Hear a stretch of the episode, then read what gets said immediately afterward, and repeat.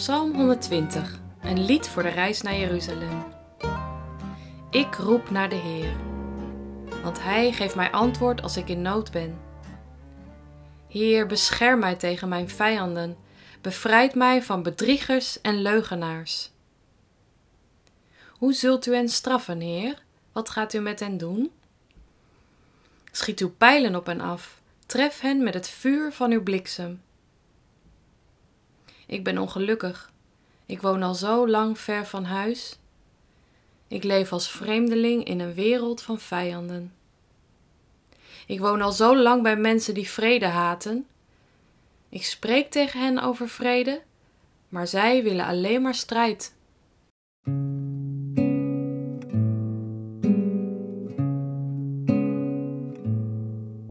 Er viel een keer een bladje op het water. Er lag een keer een bladje op het water. En vloeien op het bladje deed dat water. En vloeien deed het bladje op het water. En wentel, winkel, wentelen in het water. Was geworden, lijkt het water. Zo plooibaar en zo vloeibaar als het water. Zo lijzig en zo luchtig als het water. Zo rap was en gezwindig als het water.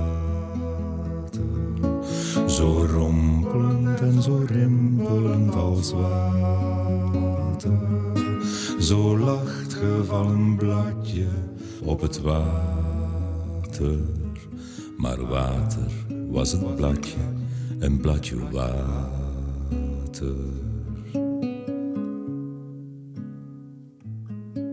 En het viel een keer een bladje op het water. De Halleel-psalmen, de lofprijspsalmen vol halleluja's, liggen achter ons. We gaan weer een stap verder en komen in de psalmen aan bij de pelgrimsliederen. Vroeger trok men op, vaak letterlijk, want bovenop een berg, op naar Jeruzalem. Vanuit het hele land reisde men naar deze stad van God, naar de tempel. En wanneer je bij die tempel kwam, moest je ook nog eens de trappen op. Omhoog dus.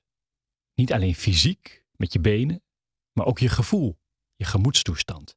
Dit is een pelgrimage.